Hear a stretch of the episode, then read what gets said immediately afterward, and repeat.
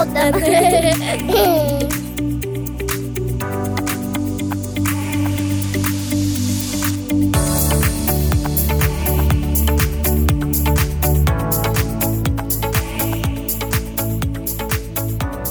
Varmt välkommen till Järvsöpodden, Tim Hedman.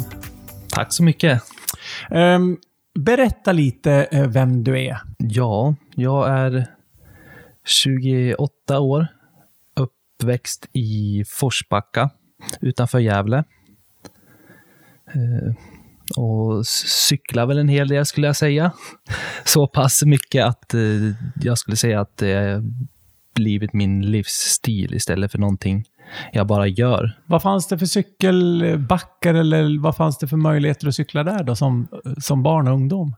Det som vart mycket då var eh, först och främst så satt min pappa och skjutsade mig en hel del. Så närmsta själva downhillbanan vi hade just då, det var eh, Falun på Lugnet där hade de en downhillbana. Så då brukade jag åka dit med pappa och så skjutsade han mig upp för backen och jag cyklade ner och så körde vi så en tio vändor tills, ja, tills han var less på att skjutsa mig helt enkelt. Men det var inga liftar och några grejer, utan det var, man fick eh, ta sig upp för egen hand med andra ord. Jag hade tur en gång och då körde de backhoppning samtidigt, så hade de släpliften öppen. Och då kunde jag ta lite snålskjuts där, men ja, då var jag ju skitlycklig, för då fick jag köra hur många åk som helst kontra när man ja, men körde bil upp då. Så det var väl det, och sen hade en backe som hette Gesunda, som ligger utanför Mora, hade öppet, så vi brukade åka dit emellanåt. Och sen var det ju Åre i alla fall en gång om året. Då. Eh, just lokalt så fanns det väl inget, inget downhill så, men de hade Hemlingbybacken mitt i Gävle, eh, hade de gjort i ordning en, eh, vad de kallar för fourcross. Eh, och det går egentligen att jämföra med eh, BMX racing. Eh, fast i det här fallet så har du en, eh, en hardtail, typ en dirtcykel fast med växlar. Då. Och så är det fyra stycken på startgrinden kontra i BMX är man ju åtta stycken. Och så är det en bana som går eh, utför. Då. Istället för en BMX-bana är ju helt platt med massa hopp och sånt. Medan den här, då brukar man ofta bygga fourcross-banor på ja, men berg eller kullar, så att det gick lite, lite fortare, lite nerför. Då. Och där hade vi en eh, eh, i Hemlingbybacken som jag spenderade väldigt mycket tid i. De brukade ha öppet så här tisdagar, torsdagar på kvällarna. Och då var det ju att eh, när man hade sommarjobb så cyklade man ifrån Forsbacka till Gävle som var en två mil. Bara för att, för att få cykla där i två timmar. Så då var det lift där också, så man hann ju köra säkert en 40 åk på två timmar, för det var ju bara 40 sekunders bana. Så att det vart en jäkla massa åk där. Jag tror det, det har ju lagt mycket grund för, eh, ja, för min cykling. Då. Att, att det fanns någonting relativt nära, men en, liksom en bana, för det var ju ändå liksom byggda, eh, byggda vallar och hopp och sånt. Det går ju, du kan ju tänka dig att eh, du tar Barbro och du gör den mycket kortare men lite bredare och så racear du på den. Det var, då hade du typ en fokusbana. Ja.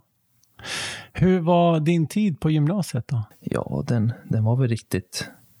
Den var ju bra. Alltså, eh, man anpassade sig väldigt fort, för det, det var ju inget studenthem så, utan man, man flyttade upp till, till en egen lägenhet, så man fick ju bli vuxen väldigt fort, men samtidigt så, så gillade jag ju friheten och vi, ja, vi cyklade ju hela dagarna helt plötsligt från att liksom vara lite... Eller ja, man styrde styra in sig efter föräldrarna och när de kan och har tid. Eh, här hade jag en, när jag bodde uppe i Vansbro så hade vi en fokusbana bara 50 meter från min lägenhet. Så att oftast var det ju att man hade ju träningar på eh, efter eh, skolan då. Så då åkte vi iväg och cyklade down i typ en två, tre timmar. Kom hem, lagade lite mat och sen hoppade vi på våra dirtcyklar för att dra ut och köra fokusbanan och körde liksom tills det vart mörkt. Och det, det gjorde ju väldigt mycket för min del. Eh, Just eh, eh, ja, cykel, man fick struktur på det. Dels det, men även liksom den fysiska delen, att få gymma och köra intervaller och alla de här grejerna som man inte visste om tidigare, gjorde att jag utvecklades en, väldigt mycket. För jag gick ifrån att vara, ska vi säga, i botten till mitten på resultatlistan till helt plötsligt vara med och fightas om, om pallplatser. Liksom. Så att cykelgymnasiet har gjort enormt mycket för mig då. Var det mycket tävlingar och sånt då? Ja, då hade vi i alla fall en svensk kupp i eh, downhill. Mm. Ett tag hade vi skandinavisk kupp också. Men det var väl lite Eh, strax när jag gick ut gymnasiet så började downhill, i alla fall här i Sverige, dippa lite. Mm. Och nu på senare tid så är det ju enduron som har tagit över. Man ska väl i princip, eh, som det är just nu, så ska man nästan vara glad för att om det blir ett SM eller inte. Okay. Det har varit senaste fem åren så har det varit så SM typ varannat år, för det är ingen som har velat ta tagit tag i det. Okay. Tyvärr. Så att hade det inte varit för det så kanske man hade haft någon till SM-medalj, men, ja, men man, vet ju aldrig. Ja, precis, men apropå SM-medaljen då, du har två stycken i downhill. Ja, och första tog jag som junior, då, andra, andra års junior. Mm. Och sen eh, andra, där 2016, tog jag som, som elit. Då. Mm. Kan du förklara känslan när du får ditt första SM, din första SM-guld? Ja, det var ju det var ju underbart faktiskt. Det var uppe i, i Timrå. Eh, mm. Så de hade, det var Skönviksbacken om jag inte minns fel. Mm. Som, eh, som det var SM och då var ju då hade jag inte körkortet, så, så min, min familj var ju där och, och tittade på det. Och ja, det, det var ju riktigt häftigt, för jag hade ju, alltså jag hade ju tränat så pass mycket och cyklat så pass mycket. Eh, så att jag, det var ju vad jag verkligen ville. Och jag, jag kommer ihåg det året, jag tror jag tog det med en eller två tiondelar. Eh, guldet där, så att det var, det var på håret, men jag var, jag var alltså så jag vet inte hur man ska beskriva det, jag var, jag var så pass lycklig. Jag vet, jag ser någon, har sett någon bild eh, så här i efterhand, så när jag står där med min eh, när jag står där med min pappa, liksom, och båda ser ju ja, ja, men skit, skitlyckliga ut, ja. helt enkelt. Det var jag vet inte, lite obeskrivligt. Ja. Och sen blir du uttagen till landslaget. Och du har liksom varit ute på EM och VM. Hur, hur blir man uttagen till landslaget?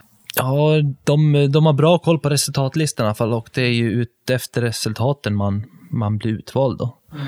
Så jag körde faktiskt eh, VM som junior då. Mm. Och det kom ju som en, ska man säga, en riktig käftsmäll faktiskt. För downhill här hemma är ju inte, alltså det, det är ju så jäkla mycket värre utomlands. Det är bara att kolla, jämföra med alpin, hur skidbackarna är här kontra utomlands. Det, applicera det på, på cyklingen också. Helt plötsligt så går det från att uh, köra som i Timrå, jag tror banan var kanske en minut och 20 sekunder någonting, till att helt plötsligt köra uh, Val de Sol. Och den banan är fyra och en halv minut. Och det är ju så mycket stökigare, så att jag kom ju ner efter, bland mina första åk var ju helt slut och fattade liksom inte hur jag skulle ta, igen, ja, ta mig igenom helgen. Liksom. Så att det... Det måste vara en större fysisk påfrestning också. Om man är van att träna och köra efter en minuters eh, backar och helt plötsligt så ska du göra det fyra gånger om i ett svep på något sätt. Ja, precis. Man, det tog ju faktiskt något år eh, tills man insåg, eller till, tills man lärde sig helt enkelt hur, hur man skulle köra. Man får ju hålla sig tillbaka lite. Här hemma har du en enminutsbana, då är det bara att gå fullt ut allt vad du har. Men det kan du ju inte göra om du har fem minuter, för då är det ju, då är det ju slut efter ja, men max två minuter och sen kraschar du. Ja. Så det vart ju riktig ögonöppnare. Vi körde ju VM det året i Champery också. Och det var den brantaste banan på hela världstouren. Eh, mm. Och dessutom så hällregnade hela helgen. Det finns eh, ett, eh, jag vet det är kanske inte så många utanför cykelscenen som har sett det, men det finns ett åk på Danny Hart, heter han, när han körde VM där. Mm. Och det är från 2000, jag tänka, det är 2011 det här. Och det är ju, om det ser sjukt ut på film så var det ännu sjukare i verkligheten, men det, det åker ju helt galet. Och jag var ju där och såg det live på läktaren där nere och det, ja, det var en helt sjuk bana. Jag kommer ihåg på mitt eh, VM-åk då så kraschade jag, jag tror det var fem gånger. Och det liksom när, när du väl kraschade då, då var det sån här riktig gyttja, så att du hade ju liksom ett centimeter med lager med gyttja i händerna, så du kunde knappt hålla i styre. Och så kommer jag ihåg att när jag körde ner det, att jag, eh, ja, men jag kraschade, hoppade på cykeln, stressade iväg och så tänkte jag, jag kan inte hålla i styre. Eh, fortsatte köra en bit och sen efter ett tag, fasen nu, nu börjar jag kunna känna styre igen, nu, nu, nu är vi igång igen. Och så kraschade jag igen. Och sen bara byggdes det på sådär så att eh, det var, ja, det var varit en riktig läxa. Ändå sjukt för jag, det där stället var ju, alltså i och med att det var så pass brant och att det var så pass blött så jag var ju rent av rädd då. För att jag, jag hade inte varit med om sådana downhillbanor här hemma i Sverige. Men ändå så är, är det det som var lite charmen med det. För nu när jag har dragit ner till Europa och kört, cyklat efterhand, alltså Champery är ju min favoritbana nu helt plötsligt. Efter alla dessa år. Det, det är riktig downhill för mig, för det är så pass brant och det är så jag tänker mig, i alla fall i mitt huvud, hur downhill är. Mm. Ska du köra downhill här i Järvsöbacken så, så kommer du behöva trampa en hel del. Medan i Champery där du behöver inte ta, ja du tar ett tramptag ur starten, men sen efter det då är det bara reglera farten med bromsarna. Hur övervinner du rädslan? För det måste ju vara några extrema farter när det, alltså, och tekniskt snabbt och så vidare. Ja, man... Jag tror i alla fall att jag, jag har väl varit duktig på att eh, eh, lite inse mina, vad jag går för. Mm. Och eh, eh, ja, men att jag inte tar vad ska man säga, onödiga risker. Sen är det klart att det, det händer ju någon gång ibland, men eh, de flesta banor går ju att rulla har man cyklat så pass länge så går ju de flesta banor att rulla igenom. Mm. Uh, om man kör lite långsammare så får man ju successivt bygga upp uh, farten. Då. Mm. För det är ju... Vissa kan ju tro att man, om man cyklar down så är man ja, men lite, vad ska man kalla det, ja, men, vildsint och bara kastas ut för ett berg ungefär. Mm. Men det är ju en hel del planering bakom det. Mm. Du, oftast så är det ju, säg att jag kör Europacup har jag kört mest. Mm. Eh, då kommer vi fram på torsdag kväll oftast. Går igenom cyklarna, kollar att allting är ok. Sen på fredag morgon då har vi något som kallas för trackwalk. Då tar vi liften upp och så går vi banan ner och inspekterar den. Och sen efter det då har vi träning från 12 till 18. Och då egentligen så får ju du köra hur många åk du vill. Men oftast då, man kanske kör den sex stycken åk för att eh, ja, men dels första åken bara rulla igenom, kolla hur det känns, mm. kolla vilka linjer som passar bra och så vidare och sen bygga upp, eh, bygga upp farten successivt. Mm. Och sen eh, på lördagen, då har vi träning på morgonen och sen är det eh, kval efter det. Och då får du ju lite poäng för kvalet, men eh, kvalet gör ju även startordningen för tävlingen. Mm. Och sen samma sak på söndag, så att vi har lite träning där. Jag tror det brukar vara en två timmar på både lördag och söndag.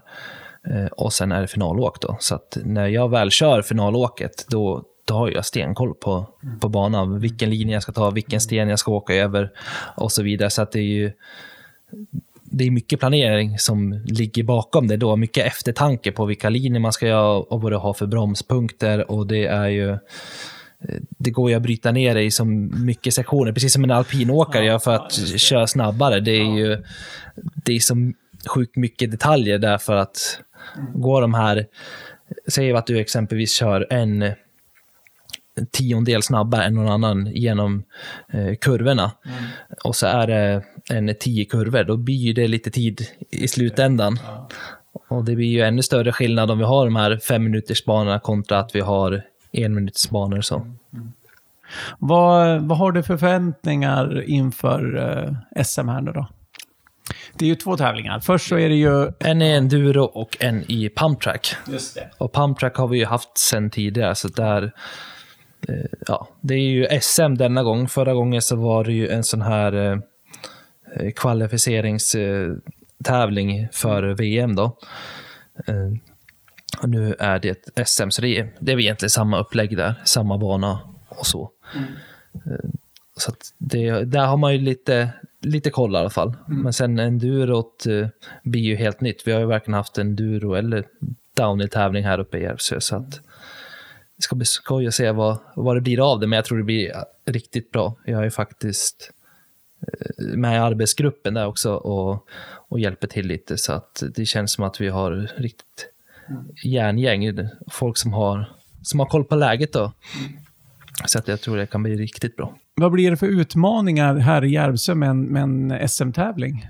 Jag tänker rent banan, tekniskt och sådär. Finns det liksom så att det blir en riktig utmaning för de som är och tävlar?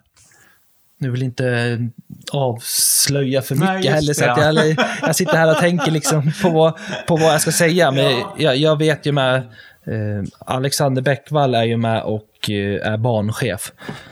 Och det är han som bygger banorna på berget. Och eh, det går väl egentligen inte att hitta mm, någon bättre för, för det jobbet. Så att eh, jag, jag har ju själv varit med och sett vart eh, eh, vi kommer bli några nya banor i alla fall. Eh, så kommer det bli mer stig, men de, jag har ju sett dem och det, jag tror det blir riktigt bra faktiskt. Kul. Då har de, de som lyssnar, då har de någonting att se fram emot. Någonting så här. Ehm.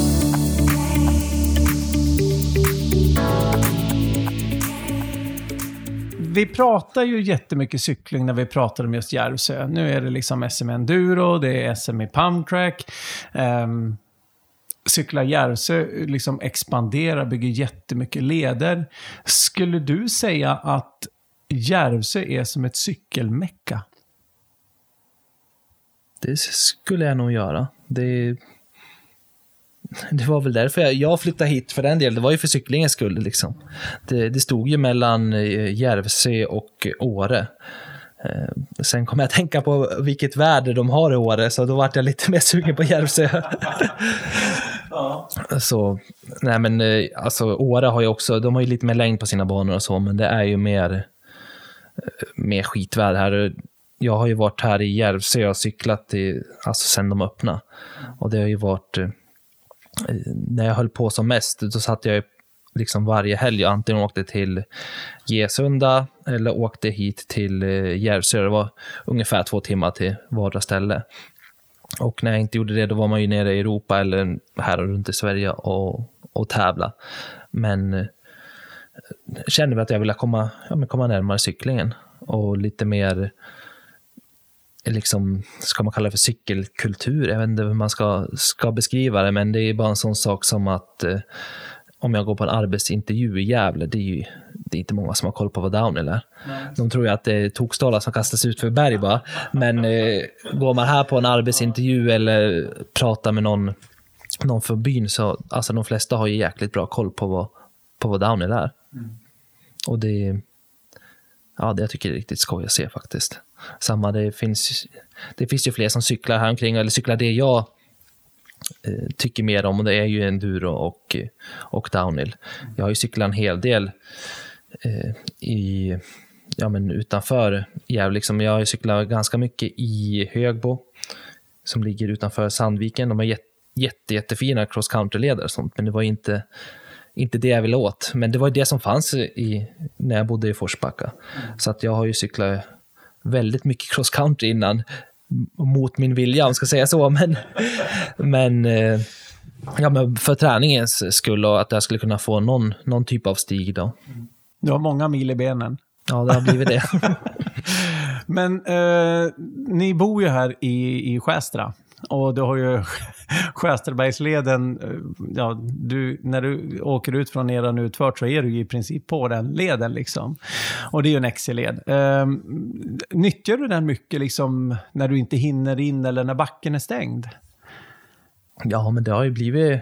Vi har ju en, en utförsträcka här på det här berget som jag har kört eh, en del faktiskt, men det, det finns ju så mycket andra berg också. Vi har, jag har kört en del här på Skärstaberget, jag har kört en del på Mörkberget, borta mot eh, Nor har vi lite, lite fler berg och sånt, och så att det har blivit eh, mycket varierat. Det, det blir lite olika karaktärer på, beroende på vilka, vilka berg man cyklar på också.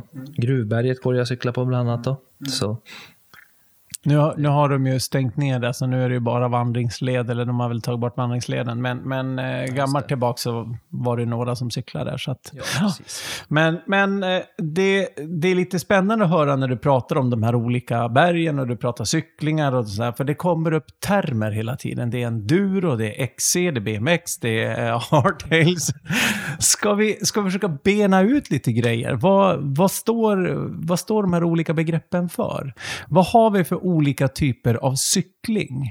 Ja, om man kollar downhill-tävling, då är det ju snabbast från A till B inom en bandad eh, bana. Då.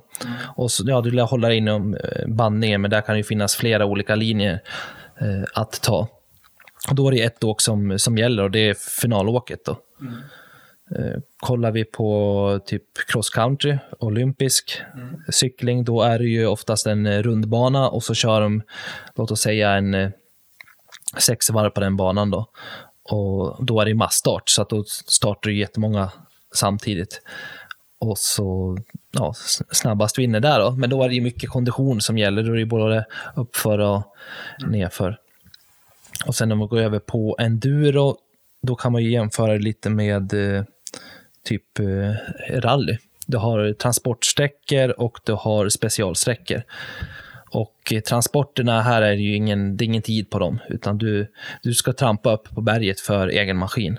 Och sen på specialsträckorna då tar man eh, tiderna då och sen slår man ihop eh, eh, de här tiderna. Oftast är det ju mellan, en, det kan variera, men säger vi en fem till åtta stycken sträckor som man brukar köra på enduro. Eh, Så du får en mycket längre totaltid där, men då har du ju, säg att du tabbar dig på första sträckan, då kan du kanske göra upp lite på den på andra sträckan och så. Så att det blir ju mer, eh, jag skulle säga att eh, downhill, då, då kan det bära eller brista. Eh, Medan på enduro lär man vara mer eh, eh, mångsidig cyklist, då, så att man ska eh, hantera mer grejer. Och det är lite som jag sa här med downhillen också, att kör du enduro-tävling här hemma i Sverige, då kanske du räknar med 10 minuter, en kvart i totaltid från alla de här specialsträckorna. Men drar du och kör utomlands i enduro, då brukar de köra två dagars många gånger. Eh, Och då kanske vi snackar ja, men runt en timme liksom i, i totaltid. Då. Så att där, där blir det väldigt annorlunda. Jag var med och körde en tävling i Italien. En italiensk enduro-cuptävling och det var ju också så här liten ögonöppnare för där var det ju, ja men som jag sa, kör man en enduro-tävling här så är det en 10-15 minuter totaltid, då har du kanske sträckorna två minuter långa ungefär. Eh, och så kom jag ner dit och vi hade en totaltid på 18 minuter på en av banorna. Och det var ju också så här helt slut när man kom, kommer ner.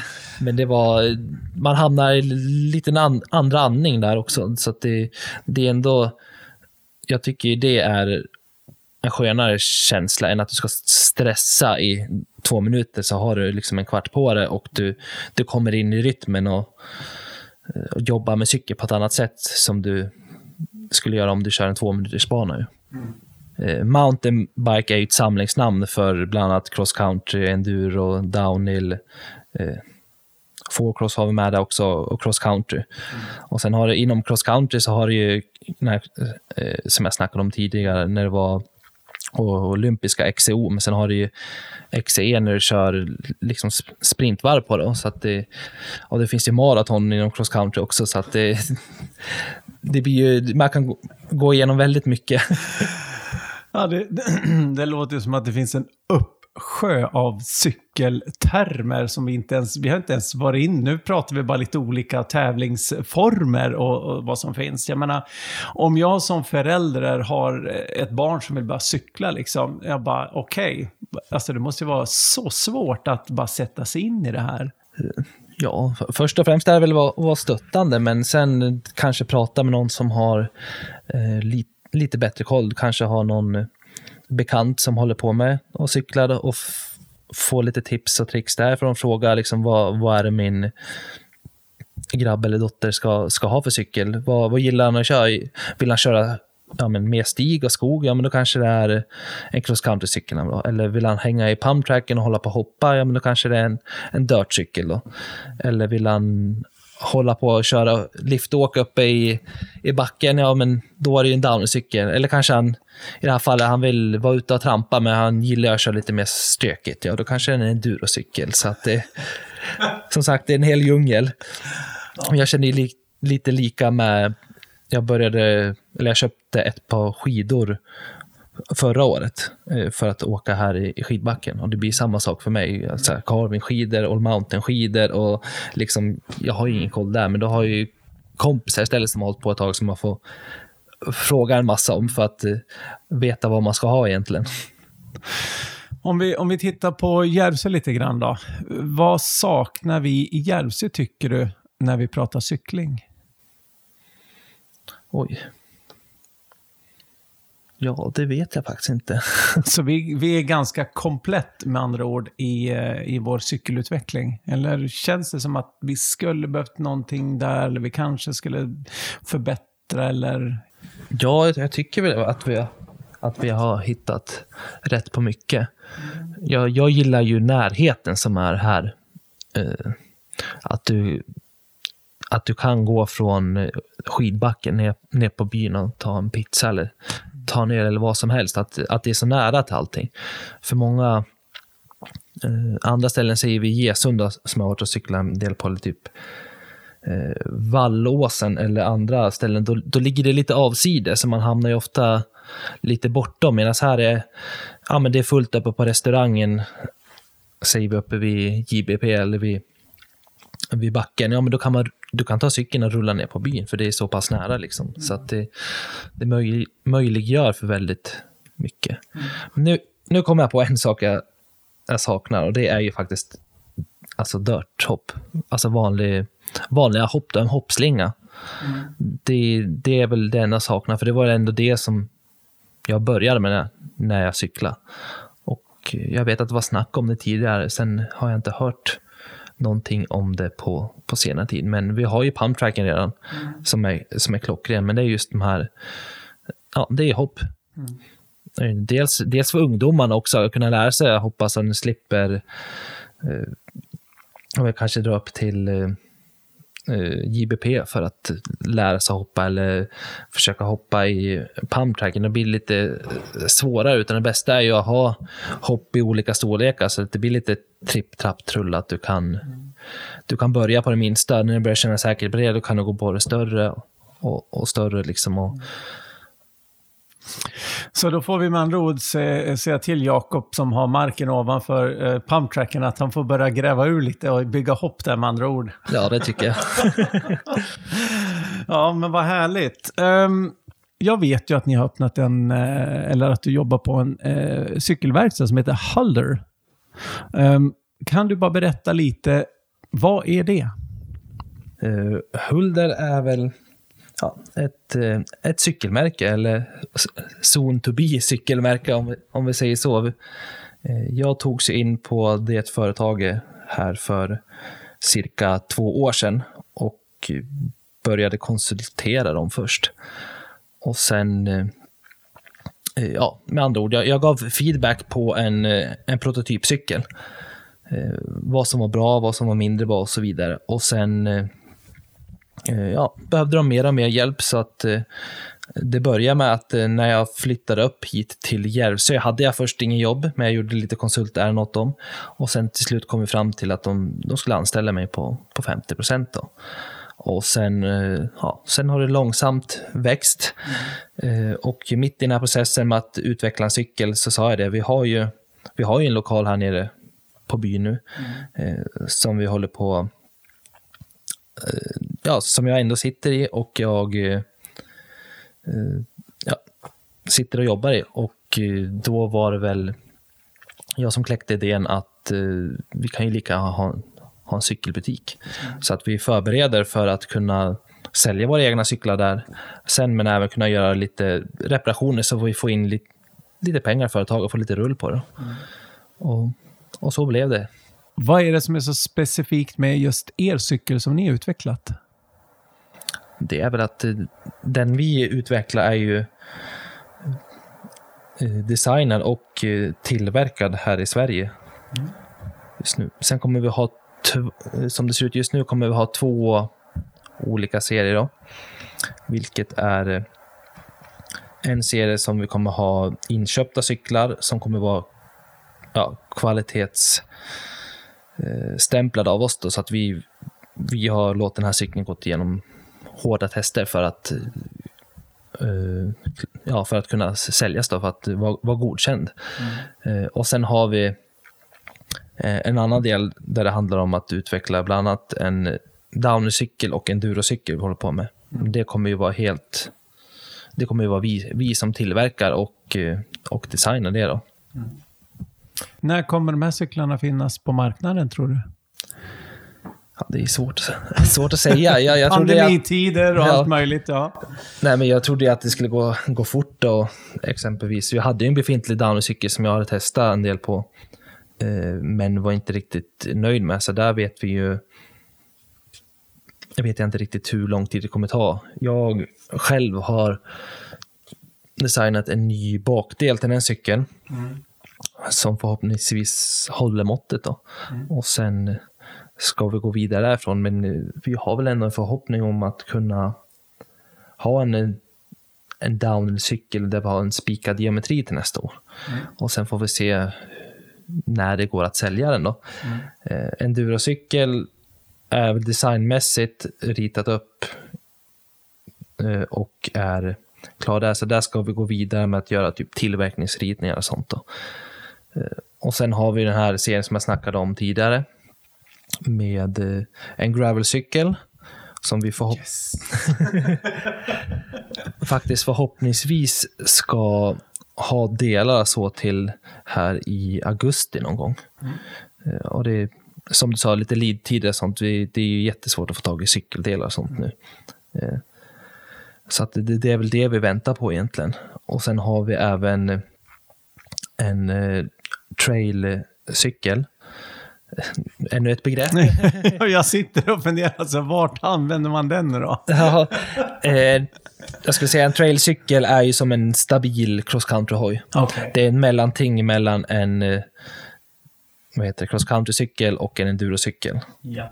Så att du kan köra, köra en del utför på den också, men en stabil cross country-hoj. Hur ser det ut inför sommaren nu när eh, turisterna kommer? Kan man komma dit och knacka på dörren måndag till fredag eller är det helger som gäller? Eller? Eh, måndag till fredag har vi öppet. Eh, 12 till 17. Och sen eh, lite sporadiskt öppet på helger emellanåt och då har det oftast varit så att vi har haft öppet innan och efter eh, parken har öppet. Då. Ja, just det. Som, eh, ja, vi har haft två helger tidigare nu. Eh, så har vi haft öppet mellan 8 till 10 och sen mellan 4 och 5. Då.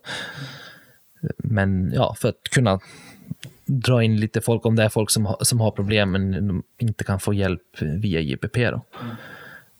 Mm.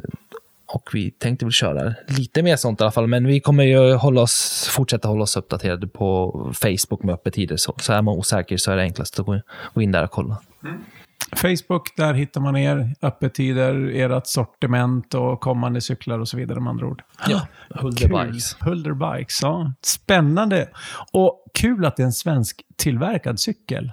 Va? Ja. Det är jätteroligt. ja, men jag tycker det, det blir lite unikt. Ja. Vi har ju vi har ju Crescent i alla fall, exempelvis, som kör lite cross country-cyklar och sånt. Men de, de vet jag ju med, de köper ju in cyklar från, från andra länder. Då, så att jag tror inte det är många, jag tror inte det är några cyklar just idag, som jag vet om i alla fall, som är svensktillverkade. Då.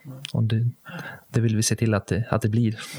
Vi ska, vi ska börja runda av. Eh, och det är ju otroligt kul att veta att vi har en sån tillgång när det gäller cykling här i Järvsö. Eh, vi brukar fråga alla våra gäster eh, efter en favoritplats eh, som de gärna besöker i Järvsö, eller med, om, runt omkring Järvsö. Liksom. Vad, vad liksom, där de är när de inte jobbar, eller liksom när de tar med sig familjen, eller någonting sånt där. Och har du någon favoritplats här i Järvsö som du skulle vilja rekommendera lyssnarna? jag visste ju att den här skulle komma, men ändå så... ja, jag funderade faktiskt på det igår kväll, men jag, jag kom inte... Eh, kom faktiskt inte fram till någonting. Det, det finns så många platser då, så att det är så svårt att just peka ut en. Vi har ju haft eh, lite av våra favoritplatser, speciellt när vi bodde i lägenhet, som, som vi drog till då. Men nu, nu trivs jag så bra hemma här med utsikten, så att Men det är väl jag rekommenderar bra. inte folk att komma hit, så att Nej, det blir nej. fullsmockat. Ja, jag förstår. Ja.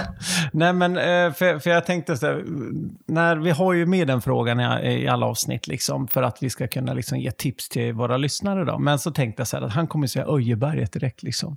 Det blir så här s- klockrent. Men eh, samtidigt så har jag blivit förvånad tidigare. Folk som jag tror har en självklar plats, de säger någon udde långt nere i Karsjö, liksom, så här helt off-grid. Liksom, så att det, det är kul att höra vad, vad man har för platser. Men att du alltså- trivs här i Skästra, det förstår jag, för det är otroligt vackert här. Jag, alltså jag trivs jättebra på Öjeberget, men det känns inte, i och med att det finns så mycket annat, så känns, känns det inte lika givet faktiskt. Alltså det är ju eh, alltså hur trevligt som helst att eh, exempelvis eh, cykla upp på Mörkberget och ha med sig en kanna kaffe och liksom en bulle och sitta där och njuta av utsikten är ju, är ju minst lika fint som att vara uppe på, på Öjeberget nu.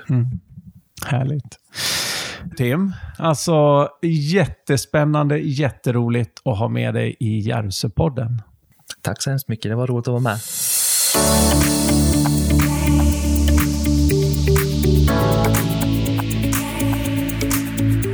Hjälpsepodden.